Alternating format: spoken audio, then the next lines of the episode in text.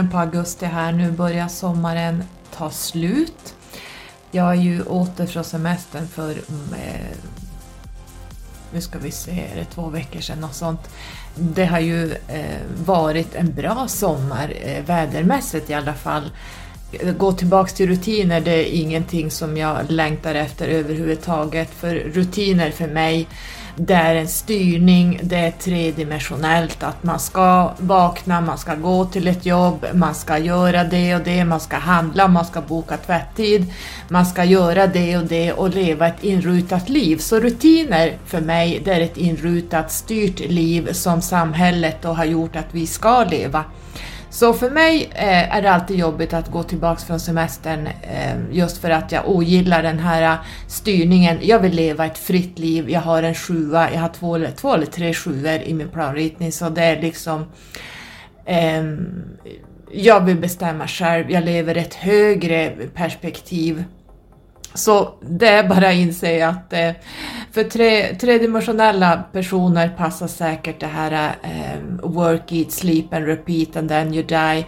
Det passar tredimensionella människor, men det passar inte oss som har eh, stigit uppåt och ser allt ur ett högre perspektiv, ett helikopterperspektiv. Så när man får sitt andliga uppvaknande, och det ska, vi, ska jag faktiskt prata om idag, så får man eh, en autentisk syn på allting.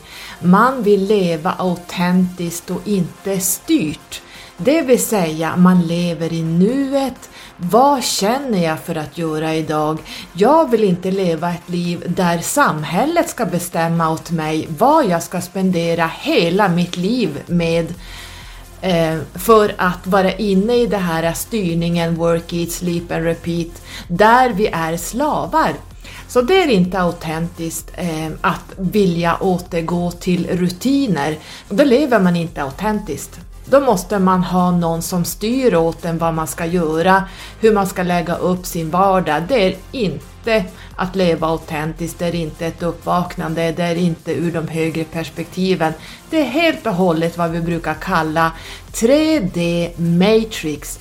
Det är en, eh, en styrning som har pågått väldigt många hundra år och som har utvecklats till att bli strängare och strängare. Nu får vi inte ens, eh, jag läste nu att eh, vissa länder, vi är inne i en apartheid, där vissa länder eh, säger att eh, den som inte är vaccinerad blir av med jobbet. Så långt har det gått att eh, regeringar tar över de mänskliga rättigheterna. Vi censureras på alla kanaler som går. Vi får inte prata om vad som pågår i samhället och att kallas konspirationsteoretiker. Och för, för mig ett konspirationsteoretiker är de som tittar på sanningen bakom. Det grävan, man gräver djupare och hittar, aha, det är det här som ligger bakom. Man, man ser precis vad det är som pågår i den här styrningen. Så eh, Konspirationsteoretiker är ju de mest medvetna i samhället idag. Det är de som verkligen är medvetna om vad som pågår och det här försöker man förstås tysta ner nu. Man försöker med sista krafterna, för tanken är ju att världen är överbefolkad och det här jag pratade om tidigare. Eh, att man vill eh, att ungefär 50 procent, kanske mer, eh, av människorna ska dö.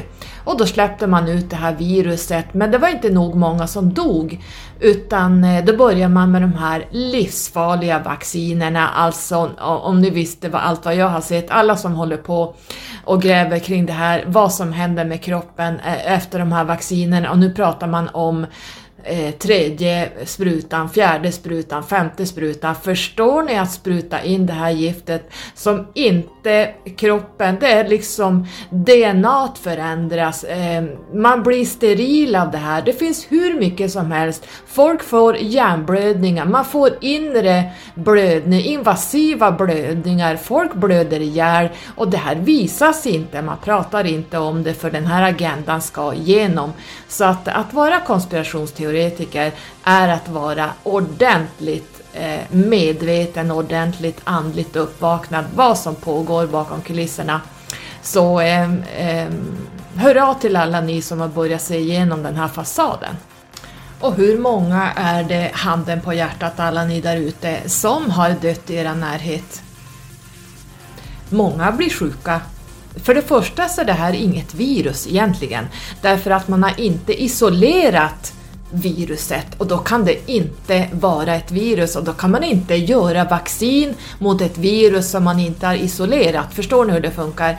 Utan man kallar det virus och folk blir sjuka men det är inte ett normalt virus som vi känner till utan det här är ett man-made, alltså människolabbgjort virus för man kan säga det egentligen som en... Eh, det här släpps ut ungefär som en eh, vi är inne i världskrig, tredje världskriget nu, men det vet ni säkert, men det, det blev ett sånt här krig mot människorna då, att eh, det här är ett, ett eh, bio, biologiskt vapen. Och det är väldigt enkelt att eh, dräpa ut människor med såna här virus som gör att folk blir sjuka. Men det är inte ett virus-virus, ni förstår. Det är inte som röda hund eller eh, vad vi nu ska kalla för virus som går. Utan det här är ett eh, laboratorievirus som man släpper ut i luften där eh, saker och ting händer i kroppen. Eh, en del blir jättesjuka det är inte många. Ni ska veta att siffrorna är manipulerade big. Men det ni kan göra är att gå in på statistik, hur många eh, jag la upp det på Instagram, en lista på från 2012 fram till 2021 hur dödsstatistiken har sett ut. Och då kan jag säga att året 2020 låg långt under dödsstatistik som vi haft tidigare. Det man inte bryr sig om det är att hur många dör i cancer per dag. Det är ingen som bryr sig om. För det är en programmering att så är det bara. Eh, man bryr sig inte hur många hjärtinfarkter eller stroke folk dör i per dag eller hjärtstopp eller andra sjukdomar. Det bekommer inte folk utan det är media som förstorar upp att det här är livsfarligt. Eh, jag har själv gått igenom covid. Det var jobbigt, eh, det var utdraget men jag har varit betydligt sjukare i andra åkommor. Så Eh, någon stora dödssiffror finns, finns inte i Sverige i alla fall, så det kan inte läggas till grund till att varför vi måste eh, massvaccinera och tvångsvaccinera. Nu tänker man ta i Australien 20 000 barn, tvångshämta de här barnen med militär och polis och från föräldrarna och tvångsvaccinera. Fundera varför man gör det. För, för ett virus som inte dräper ut mer än 1,5-2 procent av världsbefolkningen. Ehm, sen att man blir smittad, att det sprider sig, ja, men hur många har dött? Börja titta på det. Det är ungefär som säsongsinfluensan eh, eller eh, vinterkräksjukan. Folk dör i det också, men det är ingen som bryr sig om. Man tittar bara blint på det som basuneras ut på TV och, och nyheter. Det är bara skrämselpropaganda och förvrängda siffror. Det statistikerna eh, kan jag säga eh, är inte korrekta alla gånger. Och sen ska man fundera på alla som nu har två sprutor i kroppen, eh, jag vill bara säga stackars er, men gjort är gjort, det går inte att göra ogjort utan ni kommer få se konsekvenser av de sprutor ni har tagit. Och fortsätter ni ta tredje, fjärde och femte sprutan då säger vi bara adjö till er, ni kommer lämna jordelivet, jag är 100% säker. För det här är saker som inte är att leka med när man sprutar in i kroppen. Dessutom finns det ingen evidens bakom man släpper inte ut alla livsfarliga saker som har hänt i, i eh, biverkningar. Biverkningar kommer inte ens ut och rapporteras inte för man vill dölja det här. Så ni bör vara medvetna om det här eh, riktigt säkert. Eh, och det här vaccinet nu som ligger i era kroppar, ni som har tagit det, varför, för, fråga dig själv, varför måste du fortfarande bära munskydd? Varför måste du eh, hålla avstånd? Varför måste du fortfarande göra snabbtest och PCR på sjukhusen trots att du har dubbla vaccindoser i kroppen? Eh, vad är det för mening att ta det här vaccinet om du fortfarande kan bli sjuk av eh, det här viruset? Vi säger virus inom situationstecken för det, det viruset är inte isolerat. Eh, hur kan man bygga ett vaccin som inte är evidensbaserat på ett virus som inte är isolerat och påstå att man ska massvaccinera en hel världsbefolkning på någonting som inte har någon evidens bakom. Börja ifrågasätt varför man kör den här agendan. Jag vill göra er uppmärksamma på det. Det handlar om att bli medveten och börja titta, vara autentisk och lägga ihop 2 2, 3 och 3 och 10 och 10 att vad är det som pågår egentligen?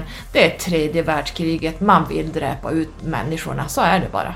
Det var lite en sidostickare vad som pågår just nu och jag kommer idag att släppa ett avsnitt från medlemssidorna som har legat där och skräpat. Jag vill att det kommer ut i etern i och med att medlemssidorna är borta.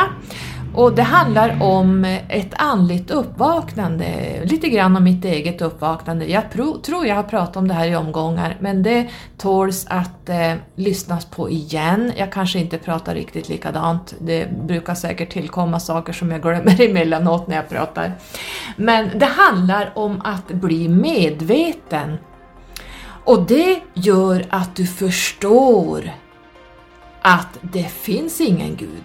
Det finns ingen djävul. Det finns inga änglar. Jesus finns inte.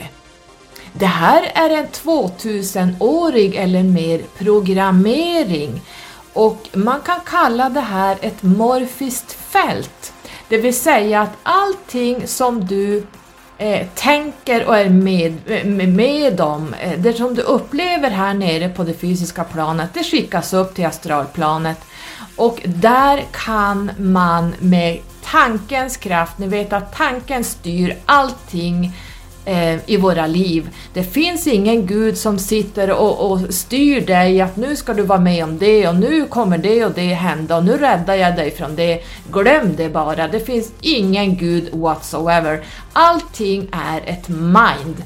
Eh, det är en källa av information. Och vad, för, vad finns det i den här källan då? Jo, det är ett morfiskt fält där alla människor som har vandrat på den här jorden det finns fler varelser också, men allt, allt levande som har varit på den här jorden i eoner av tid har skickat upp saker uppåt där man till och med kan skapa Eh, man kan skapa en demon med tankens kraft. Man kan skapa mästare av tankens kraft.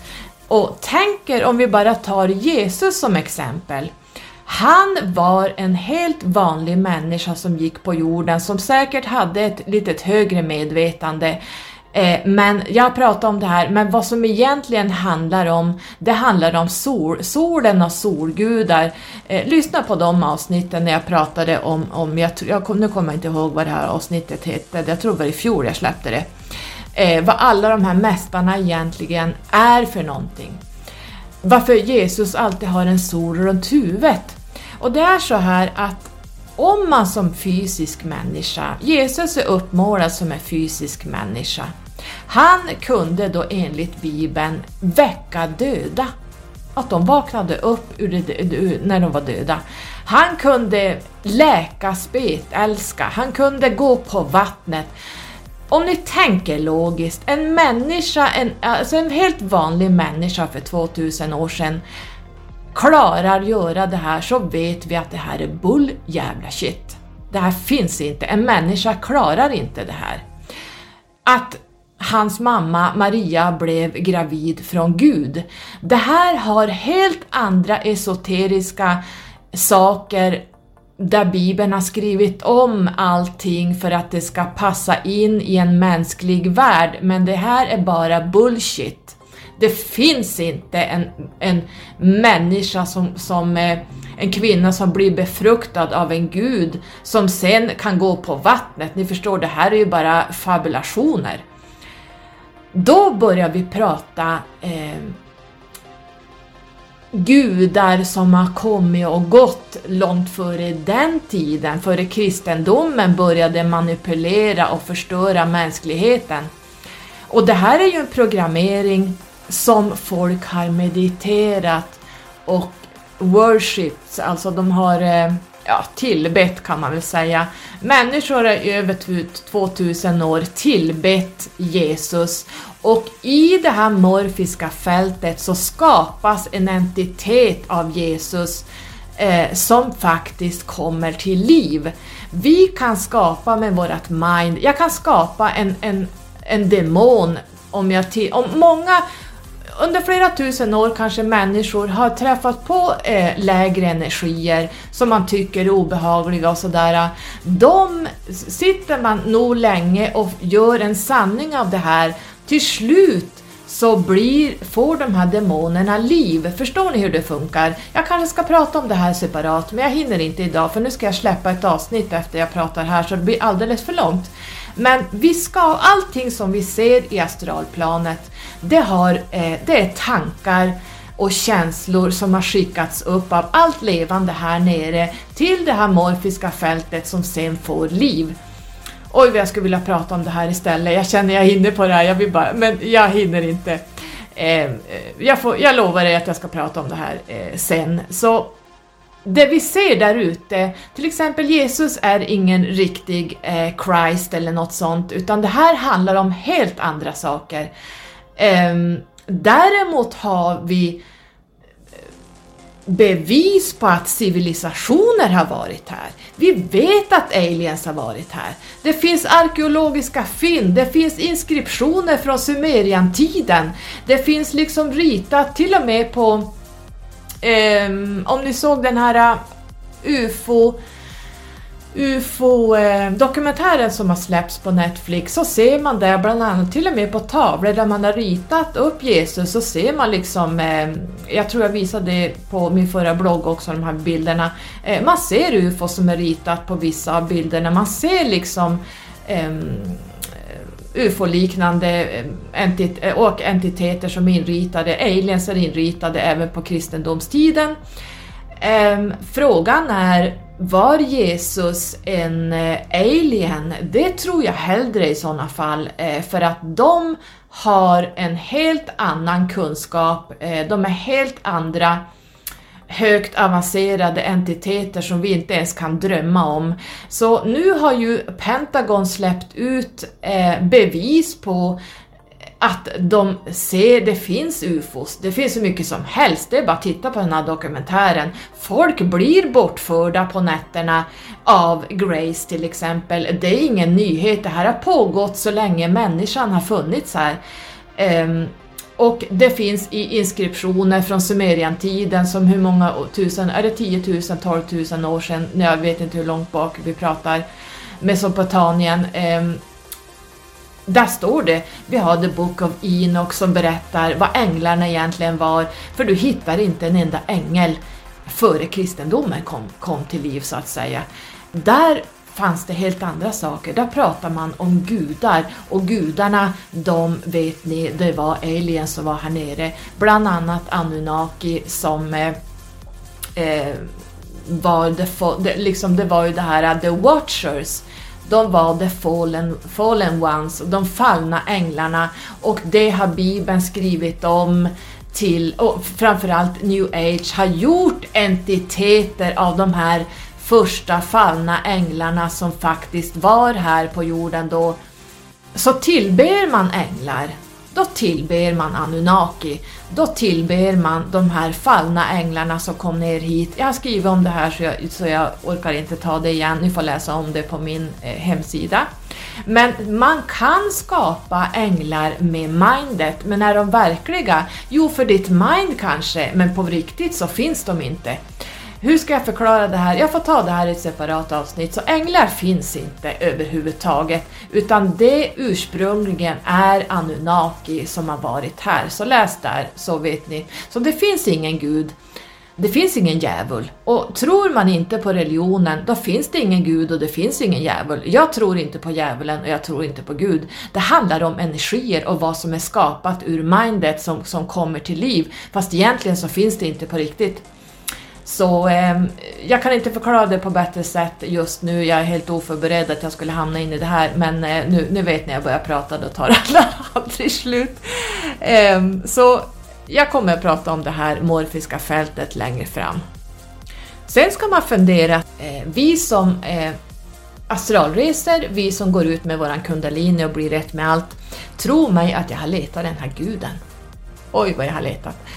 Jag vill ha ett ansikte på en gud. Det finns ingen gud, men kristendomen ritar han som en gubbe på ett moln som styr över människans väl och ve. Eh, sköter man sig inte, den här styrningen som vi är inne i fortfarande eh, fiskarnas tidsålder. Sköter man sig inte, då hamnar man i helvetet. Så folk ska gå omkring och vara rädda och eh, följa den här styrningen av vad man får göra och inte göra. Och sen den här kvinnoförnedringen som fortfarande pågår. Allt det här eh, fruktansvärda som har hänt i 2000 år, det är kristendomens fel. Det är religioner, är käpprätt jävla djävulsverktyg skulle jag vilja säga.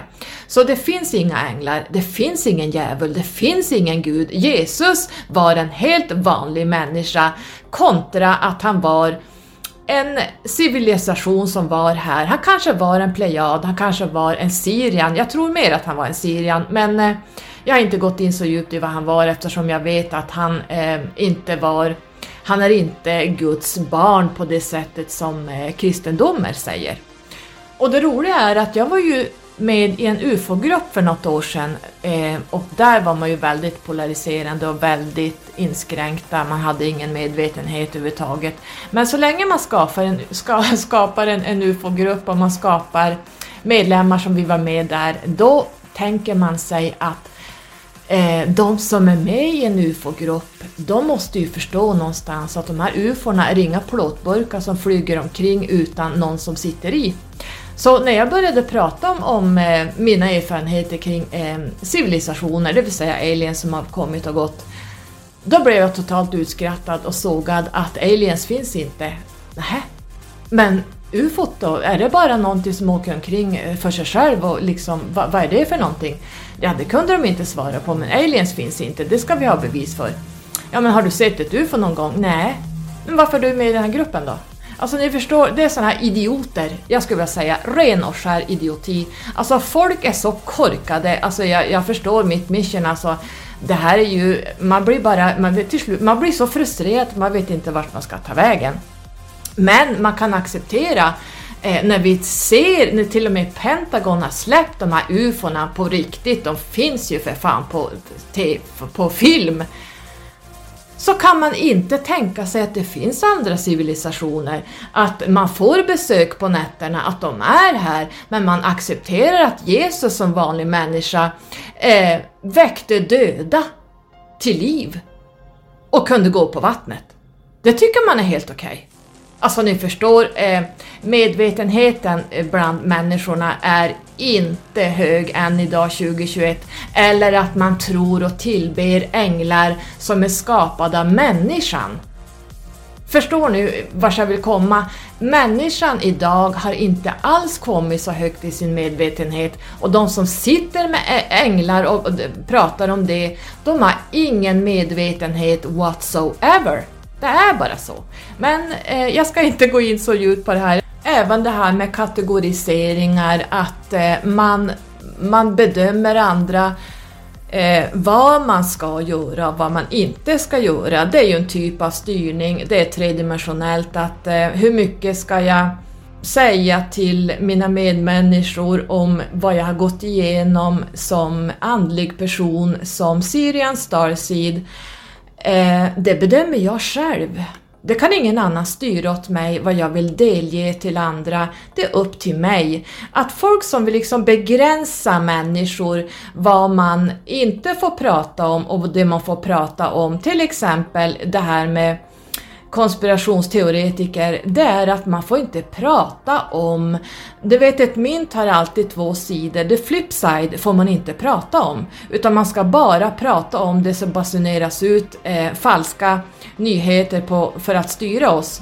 Det, det, är liksom, det finns människor idag som håller på med den här typen av verksamhet, att man, man bedömer människor, så länge det inte är destruktivt, det håller jag med om, för jag pratar om det här med Instagram och hur man destruktivt vill ha uppmärksamhet. Det är en helt annan sak, men varje människa har olika livsvägar, man har olika numerologiska planritningar man har olika karma man ska jobba med, man har olika skuggsidor, man har olika eh, skulder med sig och det här måste vi på det fysiska planet. Det här är liksom ett plan för att kunna uttrycka allt det här vi ska lära oss och gå igenom för att det här skickas tillbaka till det morfiska fältet och eh, Generation efter generation efter generation. Så det kan vara en person som måste få prata och berätta sanningar, hur det går till, hur det är, varför jag berättar om det här.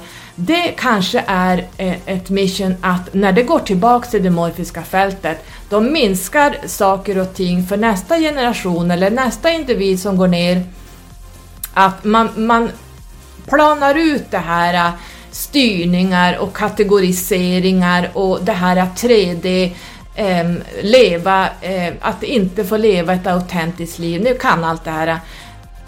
Det skickas upp och kommer tillbaka, så därför är det varje individs rätt, vår fria vilja att vi får lämna ut hur mycket vi vill om oss själva.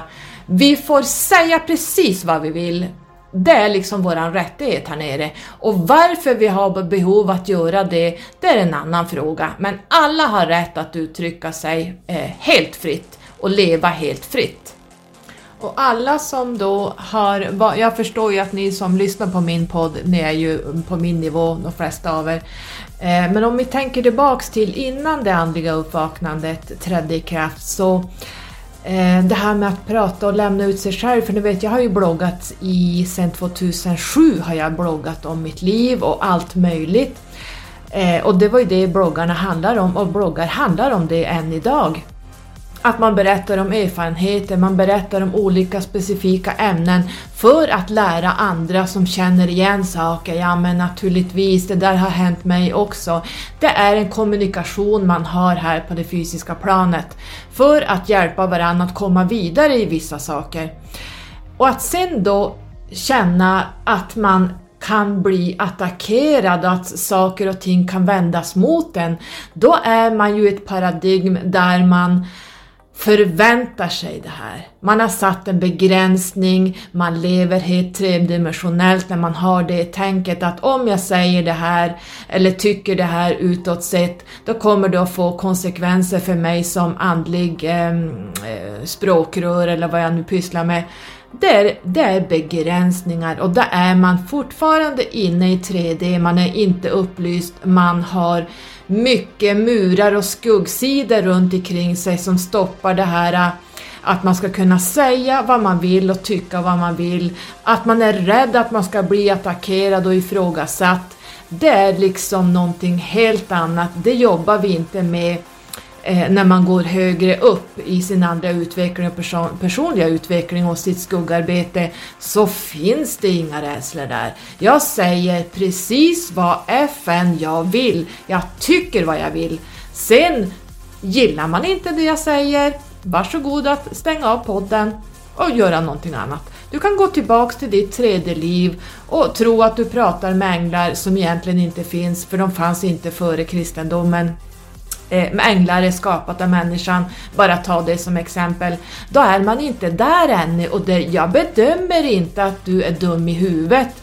Eller att du som sitter på den här eh, begränsade nivån fortfarande ska över en natt ta dig upp till ett högre perspektiv eh, av autenticitet och allt sånt, utan det här är en process alla måste gå igenom, varenda individ. Och det är kanske så att man inte tar sig dit i det här livet, man kanske får prova igen nästa liv. För sen när du går upp till, till eh, det morfiska fältet så kanske du tar med dig betydligt bättre energier ner och egenskaper eh, nästa gång som gör att du kan förstå bättre. Du kanske inte är där i det här livet, det kanske inte är meningen i det här livet. Så vi ska inte bedöma folk som har en lägre medvetenhet utan det är en process alla gör och därför finns vi som pratar kring det här ur ett högre perspektiv så att man snabbare kan förstå varför man tycker och tänker saker och vill stå med pekpinnar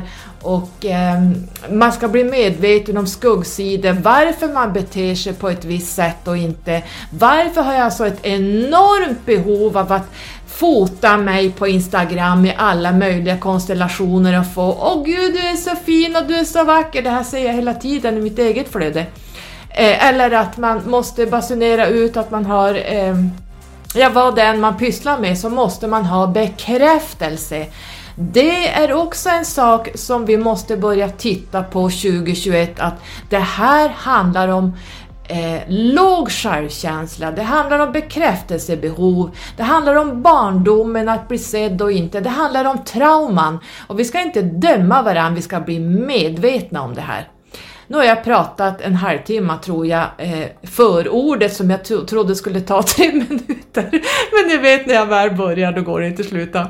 Så att det blev mycket förord innan jag släpper det här eh, avsnittet som handlar om ett eh, andligt uppvaknande. Men innan det så ska du fundera på Gud, är han en gubbe på ett moln? Som gör jungfru Maria gravid, som föder Jesus, det vill säga Eh, det är egentligen de här tre stjärnorna som man visar egentligen som man har skrivit om till någonting annat. Lyssna på det poddavsnittet när jag pratar om det som jag just nu inte minns vad det hette.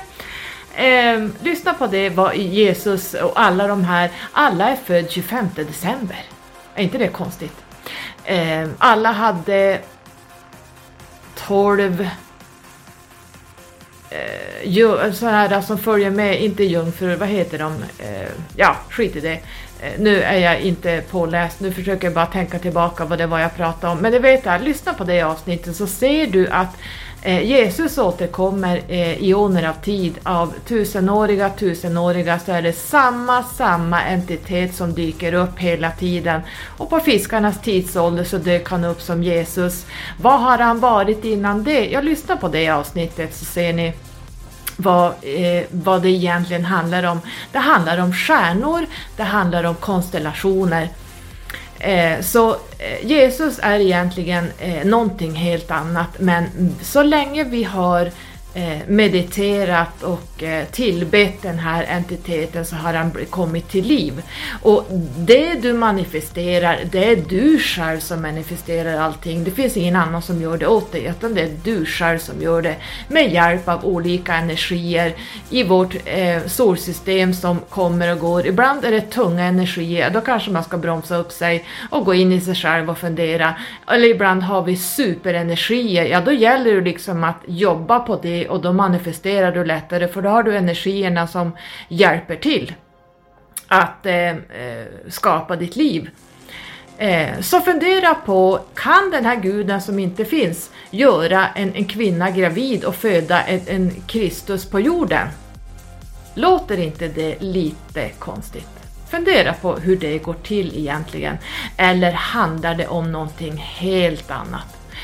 Och finns inte den här guden som vi vet är gubben på molnet som styr över allting, som skapade jorden på sju dagar och allt där i.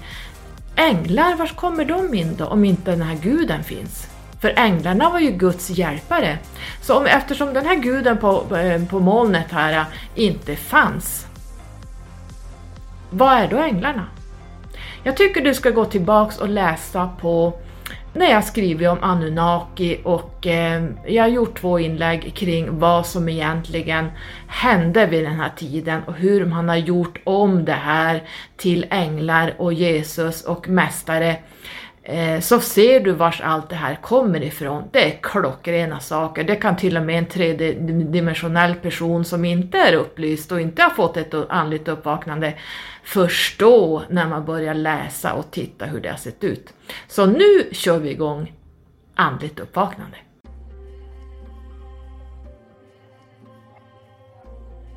Hej Skyrocket Crew! Tack för att ni är medlemmar hos mig, men jag ser oss alla som ett ändå. Om än det är jag som eh, håller i det här så vill jag med de här ljudfilerna säga att om än vi finns i olika kroppar så i den högsta dimensionen, eh, dimension 9 som sträcker sig ut till eh, Vintergatans sista ring kan man säga, där är vi alla i oneness, där är vi alla ett.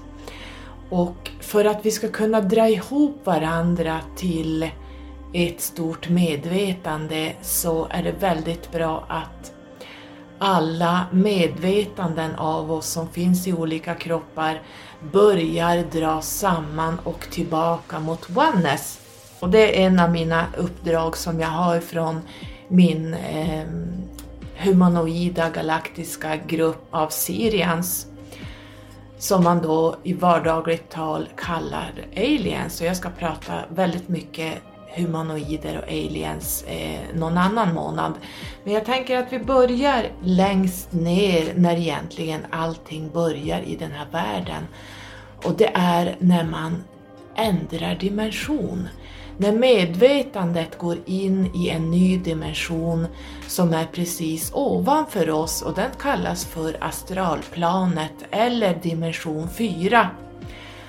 Och vad kan hända? Hur känns det när man går in i den här dimensionen? Det tänkte jag vi skulle prata om lite idag.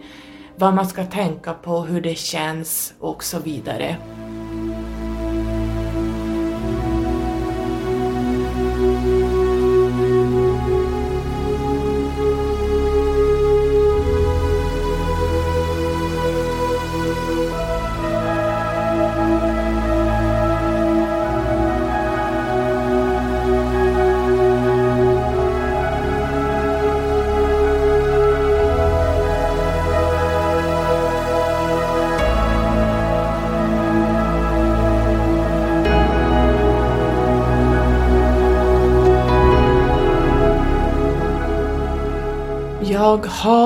Pratat om dimension 4 i två poddavsnitt redan kring det astrala planet på Skyrocket-podden som bara finns på Acast.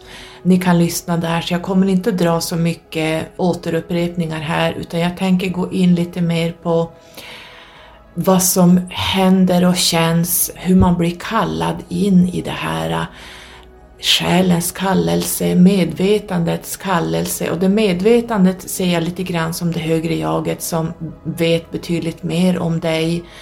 Själen är, man kan säga, det är som en, en backpack, alltså en ryggsäck du har med dig genom alla liv du har levt genom eoner av tid.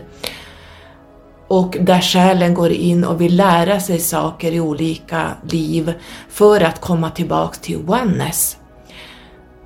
Men det högre jaget är den här allvetande som, som man kan nästan se som Gud. Jag ser gudsbegreppet som eh, det högsta medvetandet, där, där eh, det högre jaget. Så, så ser jag det när jag har eh, varit ute och kollat av dimensioner och sånt. För jag har haft en kundalini-resning, nu minns jag inte vilket år det var, med det ska jag prata, just om kundalini ska jag prata om i ett, eh, det kan bli nästa månad i ett separat avsnitt, vad, vad det innebär att ha en kundalini awakening så att säga. Så därför blir man, man blir ett med allting när man har en kundalini-resning. I och med att man blir ett med allt så blir man medveten om allt också. Det svåra är att ta ner det i ord Därför att du blir ett med allt. Du kan bli ett med handtaget på dörren, du kan bli ett med lampan, du blir ett med allting. Så det är väldigt, väldigt stort och det ser jag lite grann som det här gudsbegreppet från dimension 9, att all, allting är ett.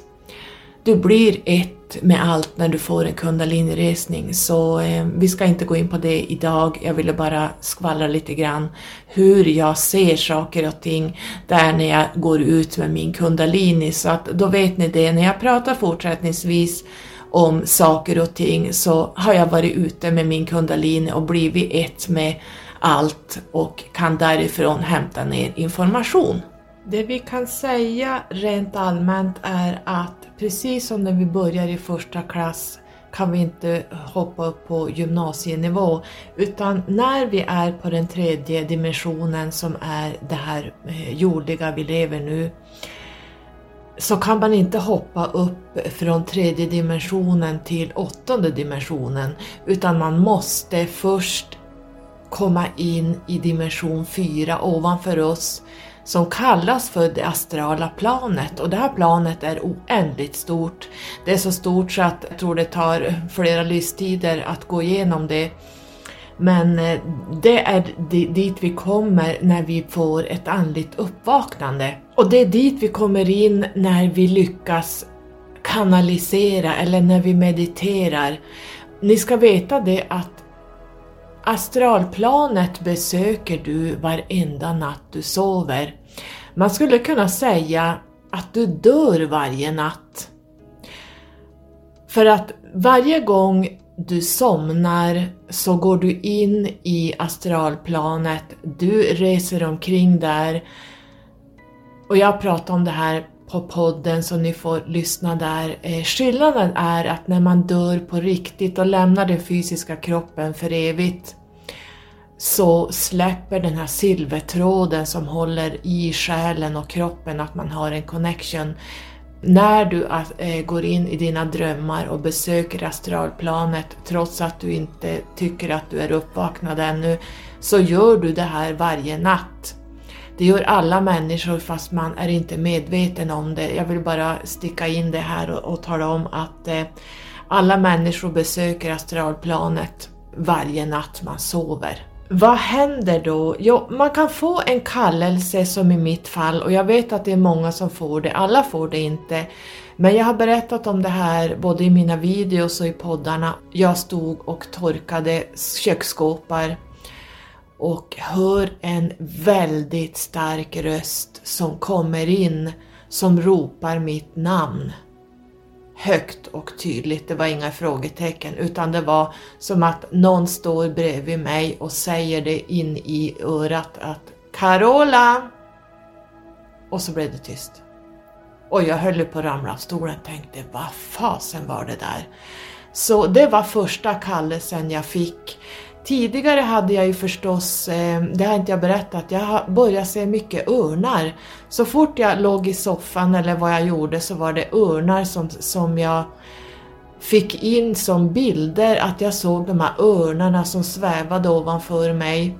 Och jag förstår då att eh, det var det, det högre jaget som började vilja väcka upp mig ur det här helikopterseendet att nu är det dags för dig att vakna upp. Och jag är ganska säker på att eh, det här uppvaknandet är meningen när du kommer ner, när du ska vakna.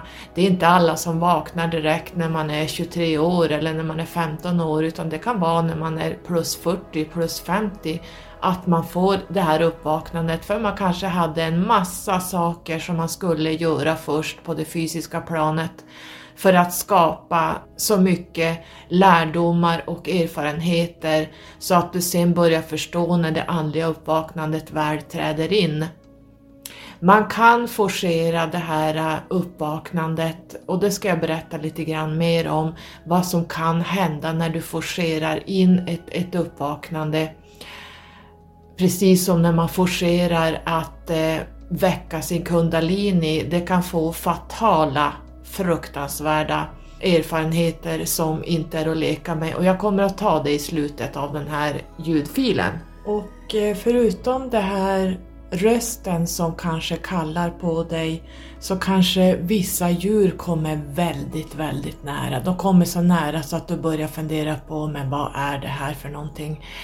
I mitt fall som ni vet, ni som har följt min podd, ni vet att eh, det kom in eh, i min lägenhet mitt i stan så kom det in första året runt 90 fjärilar inne eh, flaxandes överallt. De var i gardinerna, de var i badrummet, de var på soffan, de var precis överallt. Och nästa sommar, året efter, så var det runt 200 stycken som var inne. Och ni förstår, då börjar man ju fundera på vad är det här?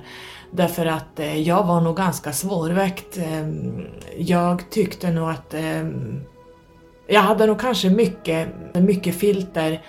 Jag är ju en stenbock så jag tror att stenbockar har den elementsenergin att man är mer pragmatisk, man är mer praktisk eh, på det sättet. Man är mer jordlig. Man är så fast i jorden så att det blir svårt det här mm, att koppla uppåt. Så det krävdes nog alla de här fjärilarna som kom in i min lägenhet mitt i stan där det normalt inte ska finnas fjärilar, eh, i alla fall inte så här många. Så eh, vad gör de inte för att väcka upp oss? Så då började jag förstå att nej men det här är, vad är det här? Så att det kan också eh, komma mycket djur nära dig som återkommer och återkommer och återkommer tills du börjar förstå att det är någonting andligt med det hela. Och de här drömmarna börjar ju synkronisera med din andliga sida. Det kallas lite grann för vivid dreams, det blir lite sanddrömmar, det kan vara sånt som har hänt från tidigare liv. Eh, du får glimtar av olika dimensioner. Oftast får vi glimtar från, vi kan få från många dimensioner i drömmarna. Men jag tror när vi, när vi medvetet går in och kanaliserar eller mediterar och får det här uppvaknandet så måste man först igenom astralplanet. Men i drömmarna kan vi nog vara lite överallt därför att då är eh, hjärnan bortkopplad och egentligen medvetandet för att när vi sover så stängs medvetandet ner som jag ser det och det undermedvetna tar vid. Det undermedvetna vill visa dig saker som du inte är medveten om. Eh, det medvetna är inte medvetet om det undermedvetna. Jag kan inte förklara det på något sätt men det undermedvetna är väldigt viktigt att lyssna på. Det kan vara en sån här gnagande känsla i maggropen att någonting är fel. Det undermedvetna är den där lilla rösten som både skickar ut kanske tankar Eh, du känner att det är något skav eller obehag, att det är någonting som inte är riktigt bra. Eh, du kanske får röster som säger någonting att nej men vet du att det här eller eh, någonting du ska veta eh, som det medvetna inte vet. Fast det medvetna vet ju allting men i, ur ditt mänskliga perspektiv så är det en begränsning. Så det undermedvetna är lite grann skuggsidorna i oss som vill komma upp till ytan upp i ljuset för att du ska bli medveten om det. Så det här drar igång också. Och egentligen så börjar ju egodöden här. Egot går inte helt ta bort som jag brukar säga, för utan ego så tappar vi eh, skyddet runt omkring faror och sånt. Så att eh, egot kommer inte gå ta bort helt, men det är egodöden när vi tänker ur ett tredimensionellt eh, perspektiv kommer mer och mer att påbörjas. Du behöver färre och färre saker runt omkring dig. Du blir mindre materialistisk. Du börjar dras till böcker, poddar eller videos eh, som öppnar ditt sinne. Du, alltså det är det här undermedvetna som går igång, att du dras till saker och du vet inte varför. Helt plötsligt sitter du och ser dokumentärer om något ämne kring det här andliga, dimensionella, esoteriska sakerna som eh, det undermedvetna vill göra dig medveten på. Du får en längtan efter en mening med ditt liv. Som jag brukar säga, work, eat, sleep and repeat. Vad är ett normalt liv? Vad är en normal människa? Vad är ett normalt beteende? Det här är någonting tredje dimensionen har skapat för att alla ska vara och tänka och se ut likadant, alla ska leva likadant och den som inte gör det blir klassad som sjuk, ADHD, får diagnoser, man blir stökigt barn i skolan, man köper inte de här programmeringarna att följa John utan man börjar eh, se utanför ramen som jag brukar säga. Därför att allt är inte likadant utan det är olikheter.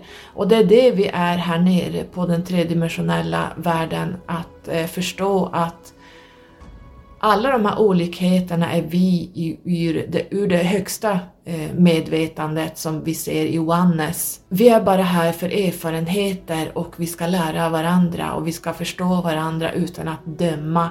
Och det här är en process som är otroligt kämpig så att eh, hela det här andliga uppvaknandet är väldigt tufft. Man börjar blotta sitt autentiska jag inför världen man, man börjar känna att de här rädslorna att inte torda sticka ut försvinner mer och mer. Man vill göra sin röst hörd, man vill verkligen tala om hur saker och ting ligger till. Man blottar sitt autentiska jag oavsett om det innebär att man tappar följare, man tappar vänner, man tappar, man blir eh, anklagad från det ena och det sjunde av varje konspirationsteoretiker och allt vad man nu kan, foliehattar och man, man ser igenom allt och eh, man törs kliva fram och blotta det autentiska. Man börjar även spendera mer tid i ensamhet och tystnad man, eh, jag skulle kunna jämföra det med tarotkortet eremiten om ni tittar på det. Eller att man i Numerologin, eh, jag är ju numerolog, att man kanske har livsväg 7.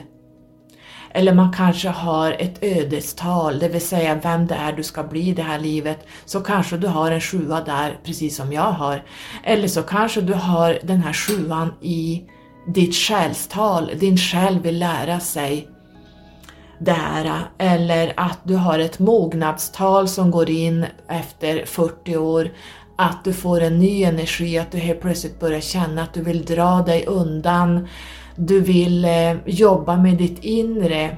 Det är något som drar i det här hela tiden och där kan man också få ett andligt uppvaknande om man har en eh, sjua någonstans i, i sin eh, numerologiska livsplan. Men normalt sett, oavsett om man har den här sjuan eller inte, så, så spenderar man mer tid i ensamhet och i tystnad.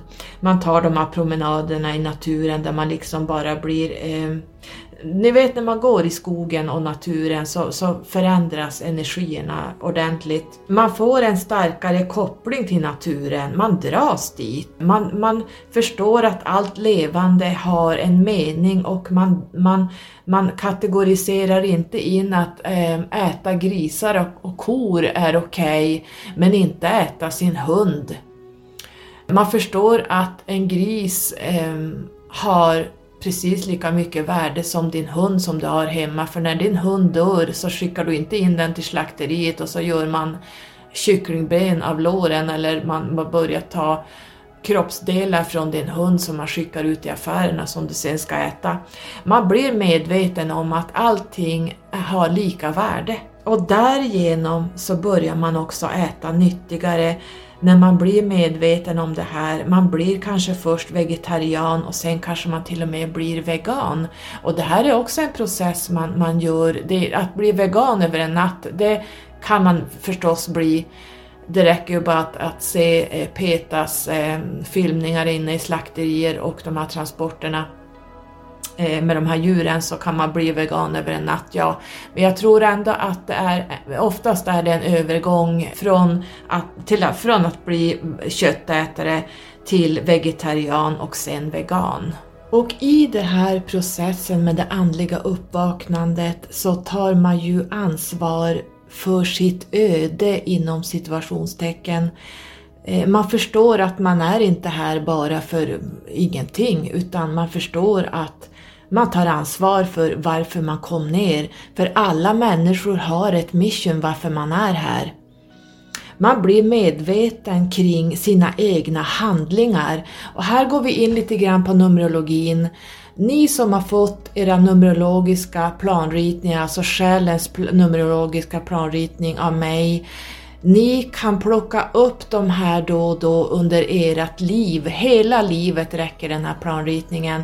Och när man tittar på planritningen så finns det även karma och det finns eh, lite annat att titta på. Och det betyder att det är de läxorna du ska lära dig, så det kan vara att du kommer ner bara för de här läxorna som du ska börja hantera. Och när du kommer i de här situationerna som som kan vara från A till Ö, så blir du medveten om att ah, nu ska jag inte reagera, tänka eller säga eller känna så, utan nu ska jag titta på planritningen. Vad är det jag behöver jobba med? Och sen förändrar du medvetandet. Bara, bara att du tänker det här och gör annorlunda, agerar annorlunda trots att egot blir, börjar gråta och skrika och som ett barn att eh, man är förlorare, att jag kan inte säga så här för att bla bla bla. Ni vet hur egot går in. Egot är egentligen bara ett skrikande barn. Så då blir man medveten och där löser den här karman upp sig.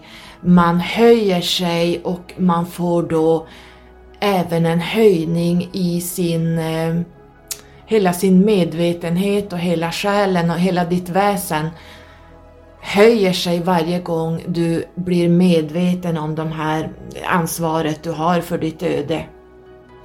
Och jag skulle också vilja säga att det förflutna och framtiden kontrollerar inte längre ditt liv.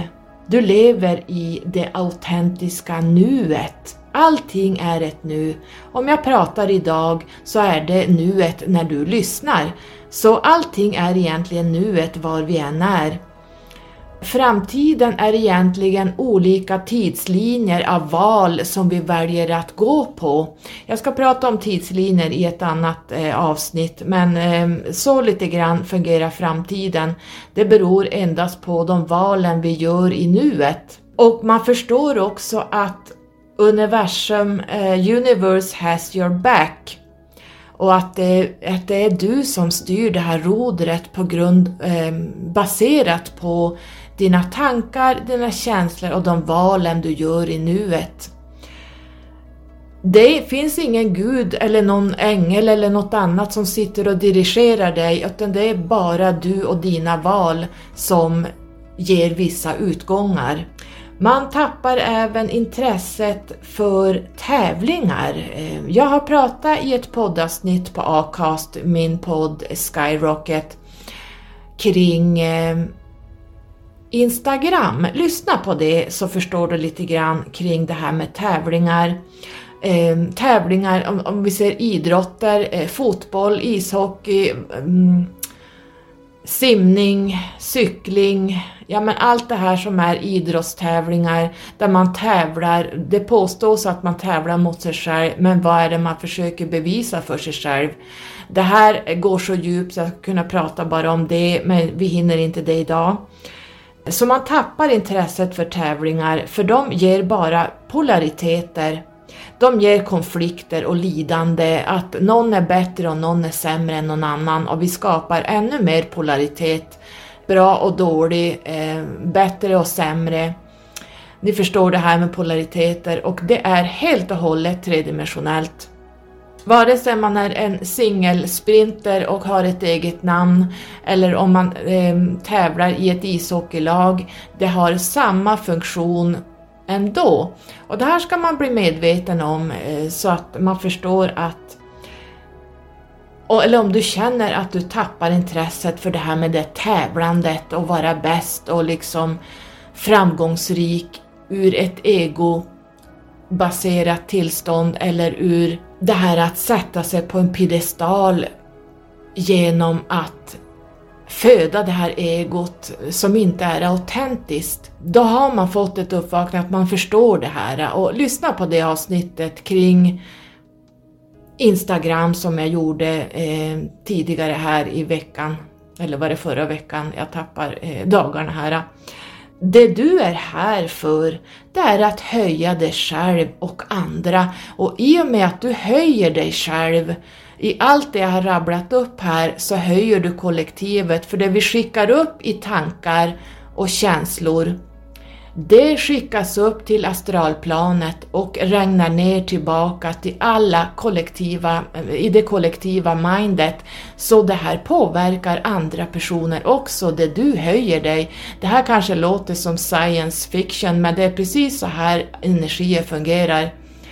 Skulle hundratusen människor sitta och tänka på en sak eller eh, göra någonting, alla gör det, mediterar kring en sak samtidigt, så kommer det här att påverka, det kommer skickas upp till astralplanet och sen kommer det att gå ner i människors medvetanden fastän de inte vet det, de kommer få till sig det här. Så det här, det här är ju magi kan man säga, att eh, du förändrar allting med ditt mind eh, och det du skickar ut. Och du är här för att höja dig själv och andra, inte för att skälpa och trycka ner andra, för det är helt egobaserat och där förstår man när man börjar få det här andliga uppvaknandet. Och det är ju som sagt var en process man går igenom.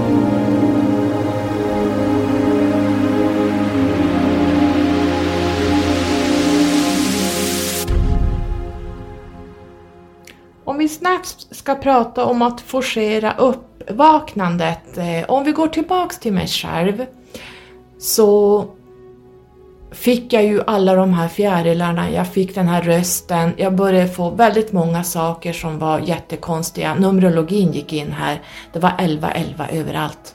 På telefonen lyckades jag se klockslaget 1111 eller 1100.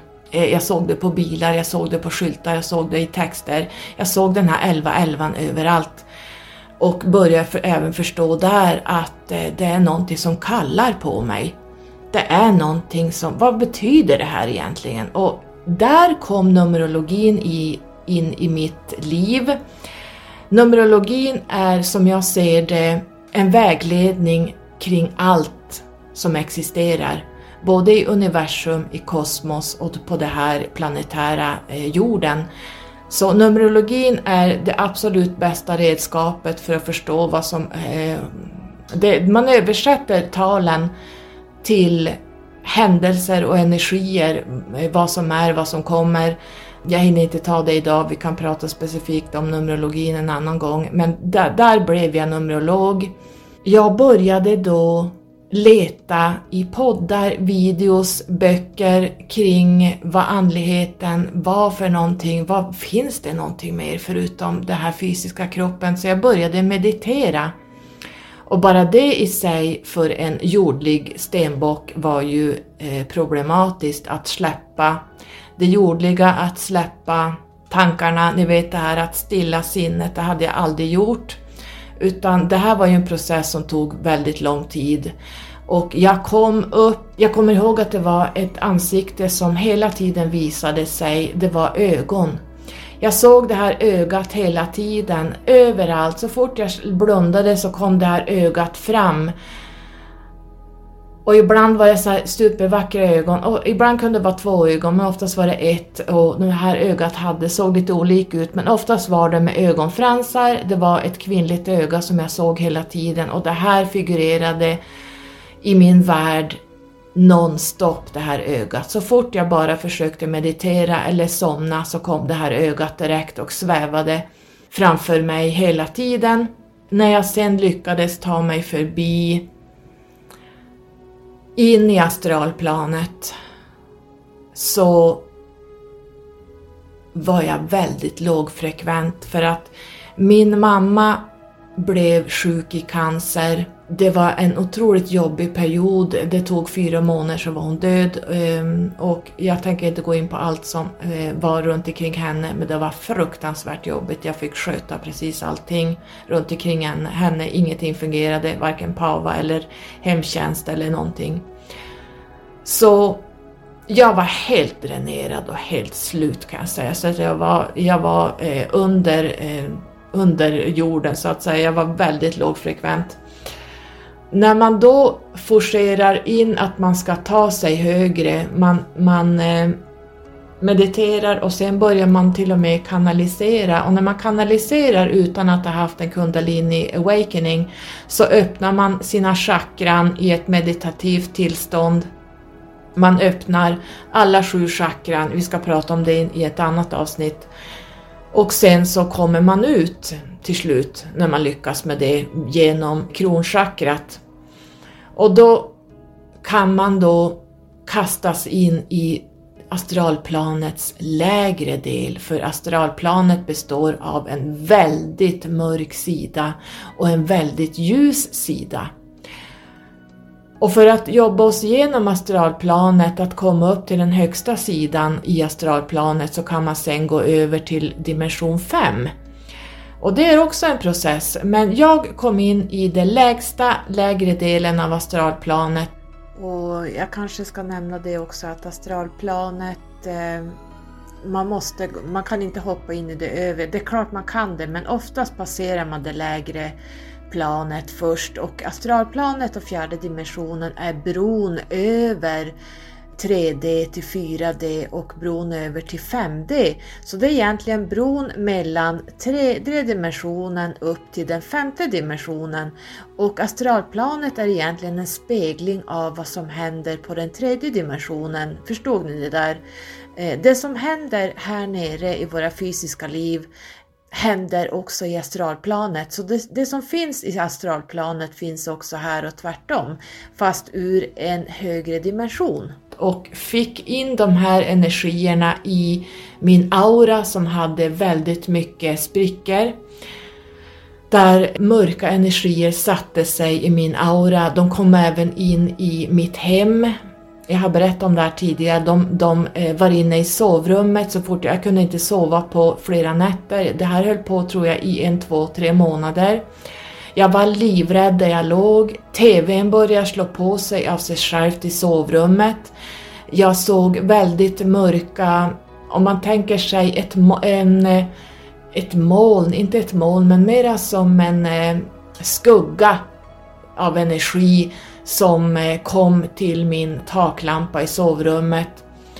Det var, det var så fruktansvärt vidrig energi att den, alltså det går inte med att beskriva hur den kändes, men det var hemskt. Det marscherade i hallen utanför varje natt, det stökades på i köket, det gick sönder saker, saker flyttade på sig. Jag kunde inte knappt vistas i min lägenhet för när jag gick ut och var på jobbet och när jag kom hem igen så när jag öppnade ytterdörren och gick in så kände jag att jag gick igenom, det var en ridå av energier som var inne i min lägenhet som jag hade bjudit in när jag forcerade den här eh, kanaliseringen upp. Jag har pratat om det här i mina videos och jag tror jag pratar om det i podden också, men eh, jag vill säga det igen att det är inte bara... Det, man ska vara försiktig med sådana här saker om man eh, är lågfrekvent och man eh, inte är i balans. Då ska man absolut inte hålla på med sådana här saker, utan då ska man låta det här ha sin gång. Jag lyckades efter många månader få bort det här det här var alltså demonenergier som kom in. Det här var fruktansvärda energier som eh, var hemma hos mig. Jag har skrivit om demoner på min hemsida, jag har skrivit om eh, Ehm, astrala entiteter så det är bara att läsa där. Och de, de består av väldigt många olika kategorier av låga energier och de här är högst verkliga. Så var försiktiga när du eh, ska forcera in ett, en kanalisering uppåt. Och även när man ska forcera kundalini, så när, om du lyckas i kundalini-yoga, som jag absolut inte rekommenderar, så kan du väcka din kundalini som inte är meningen att det ska vakna, reser sig och det här kan bli, få fatala konsekvenser. Du kan bli psykiskt sjuk, du kan bli eh, hamna i psykoser. Jag har pratat om det här i mitt kundalini-avsnitt. Eh, så jag ska prata specifikt om kundalini i en annan ljudfil, men var försiktig när du håller på med sådana här saker, det vill jag bara säga.